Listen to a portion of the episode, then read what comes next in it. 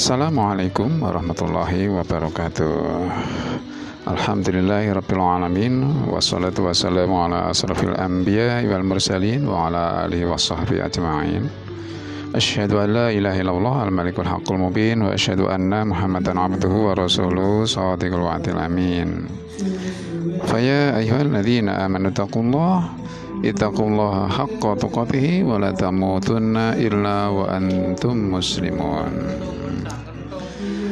Para siswa yang berbahagia, semoga kalian semuanya pada hari ini dirahmati oleh Allah Subhanahu wa taala ya. Semoga semuanya sehat, walafiat, berbahagia, tak kurang suatu apa ya. Tetap semangat belajar. Mari kali ini kita belajar bersama tentang kehadiran Islam mendamaikan bumi Nusantara. Ini adalah materi pendidikan agama Islam untuk kelas 9 untuk itu untuk kalian yang duduk di bangku kelas 9 di semester 1 ini mari kita simak bersama tentang materi ini para siswa semuanya yang berbahagia yang sangat saya banggakan sebelumnya marilah kita awali dulu sesi kali ini dengan bacaan doa. Bismillahirrahmanirrahim. Raditu billahi rabba wa bil islami dina wa bi muhammadin nabiyya wa rasulah. Rabbi zidin ilma warzuqni fahma wa hlul uqdatan min lisani yafqahu qawli. Amin. Ya rabbal alamin. Pada segmen kali ini kita akan mengharap kita berharap kalian nanti akan bisa menjelaskan tentang alur perjalanan dakwah di Nusantara dengan benar. Dua, dapat menunjukkan cara-cara dakwah di Nusantara dengan benar. Yang ketiga, dapat menyebutkan kerajaan-kerajaan Islam di bumi Nusantara dengan benar. Lalu kalian juga bisa mengambil hikmah kehadiran Islam di Nusantara dengan benar. Selanjutnya kalian juga bisa meneladani perilaku perjuangan tokoh-tokoh Islam dalam kehidupan sehari-hari dengan benar. Baik, kita masuki pada poin yang pertama yakni tema masuknya Islam di bumi Nusantara. Ada empat teori besar ya tentang masuknya Islam di bumi Nusantara ini.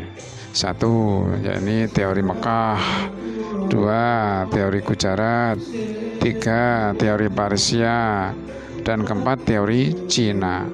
Teori Mekah, teori Gujarat, teori Persia, dan teori Cina. Pertama, teori Mekah. Menurut teori Mekah ini, proses masuknya Islam ke Nusantara langsung dari Mekah atau Arab. Terjadi kira-kira pada abad pertama Hijriah atau abad ke-7 Miladiyah atau Masehi yang dilakukan oleh para pedagang dari Timur Tengah yang memiliki misi dagang sekaligus dakwah. Jadi teori Mekah ini adalah bahwasanya agama Islam masuk ke Indonesia atau ke Nusantara langsung didakwakan dilakukan oleh orang-orang Timur Tengah. Yang kedua adalah teori Gujarat. Teori Gujarat ini menyatakan bahwa masuknya Islam ke Nusantara berasal dari Gujarat, India sekitar abad ke-7 Hijriah atau abad ke-13 Miladiyah dan penyebaran Islam ini dilakukan oleh para pedagang Gujarat yang telah memeluk Islam.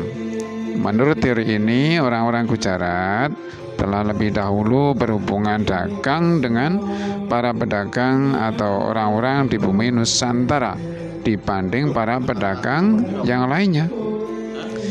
Lalu yang ketiga, teori Persia.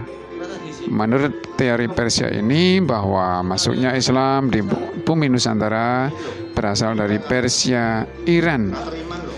Dan sebagai buktinya adalah bahwasanya adanya kesamaan budaya dan tradisi antara masyarakat Persia dengan masyarakat Nusantara. Terus yang keempat teori Cina. Menurut teori Cina ini, dinyatakan bahwa masuknya Islam ke bumi Nusantara, khususnya Jawa, berasal dari para pedagang Cina. Mereka telah berhubungan dagang dengan penduduk Nusantara jauh sebelum masuknya Islam di Nusantara. Teori ini membuktikan bahwa masjid-masjid tua di Indonesia banyak yang bernilai arsitektur Cina. Para siswa, patut diketahui bahwa agama Islam sudah dianut penduduk pesisir utara Pulau Jawa ini diketahui dari sebuah bukti di antaranya berupa makam seorang Fatimah binti Maimun. Fatimah binti Maimun di desa Leran, Gresik, Jawa Timur yang berangkat tahun 475 Hijriah atau 1082 Miladiah. Lalu penyebaran Islam di Nusantara itu dilakukan secara damai. Secara da damai. Tanpa adanya kekerasan ataupun penjajahan. Para siswa, kita patut mengetahui bahwasanya di antara para tokoh penyebar Islam di Indonesia khususnya Pulau Jawa, kita kenal dengan sebutan Wali Songo. Jumlah Wali Songo lebih dari sembilan loh, jadi Wali Songo ini adalah nama institusi.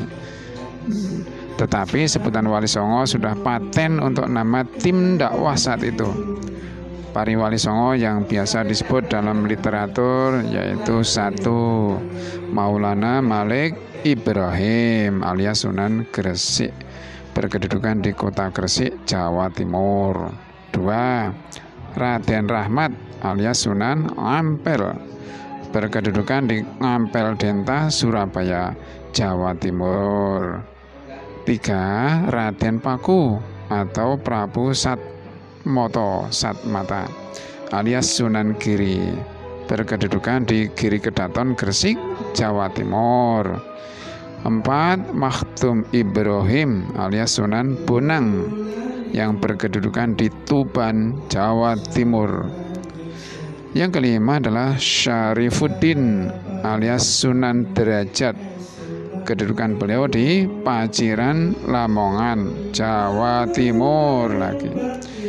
Yang keenam ada Raden Syahid alias Sunan Kalijaga. Kedudukannya adalah di Kota Demak, Jawa Tengah. Terus yang nomor tujuh ada Ja'far Sotik alias Sunan Kudus berkedudukan di kota Kudus, Jawa Tengah. Yang nomor delapan ada Raden Umar Said alias Sunan Muria. Kedudukan beliau di kota Kudus, tepatnya di Muria, Kudus. Lalu yang sembilan, Syarif Hidayatullah alias Sunan Gunung Jati yang berkedudukan di Cirebon, Jawa Barat.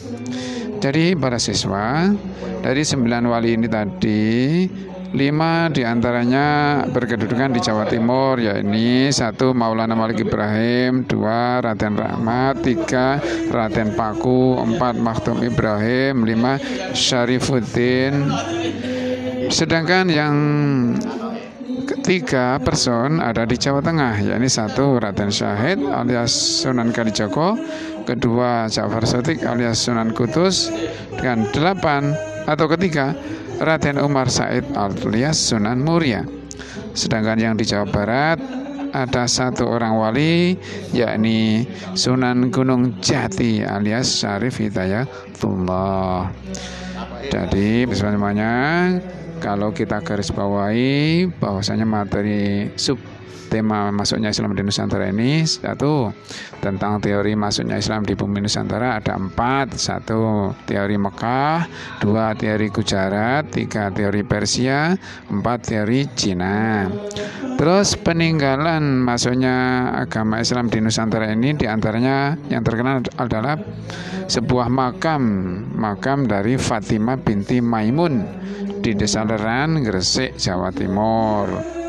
Dan poin yang berikutnya, penyebaran Islam di Pulau Jawa itu dilakukan secara damai, secara damai, secara damai, tanpa ada kekerasan, tanpa ada penjajahan, tanpa ada pemerasan, namun secara damai. Lalu para siswa, tokoh penyebar Islam di Indonesia khususnya di Pulau Jawa yang paling kondang saat itu adalah yang disebut dalam sebutan Wali Songo. Wali Songo di antaranya satu Sunan Gresik dua, Sunan Ampel tiga, Sunan Giri empat, Sunan Bonang lima, Sunan Derajat kelima Sunan itu ada di Jawa Timur. Selanjutnya Sunan Kalijaga, terus Sunan Sunan Kudus ya, kemudian Sunan Muria di Jawa Tengah. Sedangkan yang di Jawa Barat ada satu yakni Sunan Syarif Sunan Gunung Jati alias Syarif Hidayatullah. Demikian para siswa pembahas kita tentang tarikh Islam dengan submateri masuknya Islam di bumi Nusantara. Semoga ada manfaatnya dan tetap jaga kesehatan dan tetap semangat belajar meskipun rentang jarak di antara kita adalah sangat jauh. Kalian di rumah saja, Pak Guru di sekolah saja. Dan kita cukupkan dulu segmen kali ini dengan bacaan Alhamdulillah. Alhamdulillahirrahmanirrahim Kurang lebihnya mohon maaf. Ilali kok ya pada sesi-sesi berikutnya. Wabillahi taufiq wal hidayah Assalamualaikum warahmatullahi wabarakatuh